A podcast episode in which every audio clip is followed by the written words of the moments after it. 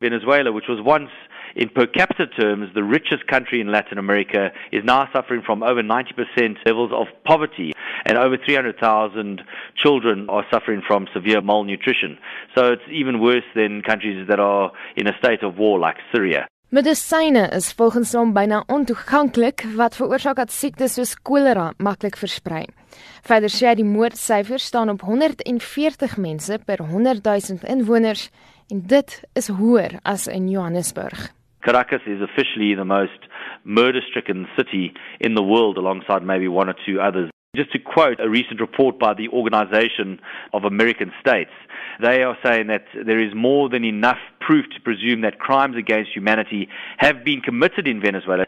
And most importantly, they say that action must be taken. There's rape, murder, illegal detention, among other crimes, that show systematic repression of a regime that aims to spread fear in the civil population. Hy meen die nuwe geldeenheid wat onlangs bekend gestel is, gaan nie 'n verskil maak nie. It's a response to the hyperinflation at million percent level. That's obviously going to have a detrimental effect. 13,000% was just the rate of inflation in January alone this year. So there's very little that can kind of salvage a country from this state of chaos at this very particular moment.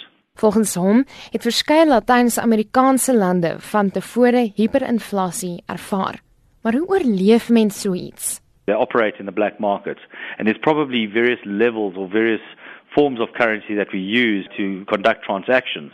But then there'll be other forms of payment. Intussen is daar die wat geld maak uit die swak ekonomie.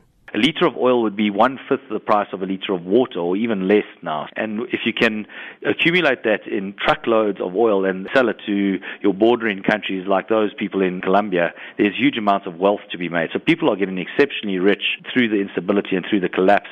Verder blyk dit dat Venezuela self nie weet hoe om die kwessie te hanteer nie. The foreign minister of Venezuela was recently in South Africa and claimed a number of issues, presuming that maybe South Africans and Africans at large are unaware of the reality and what's going on.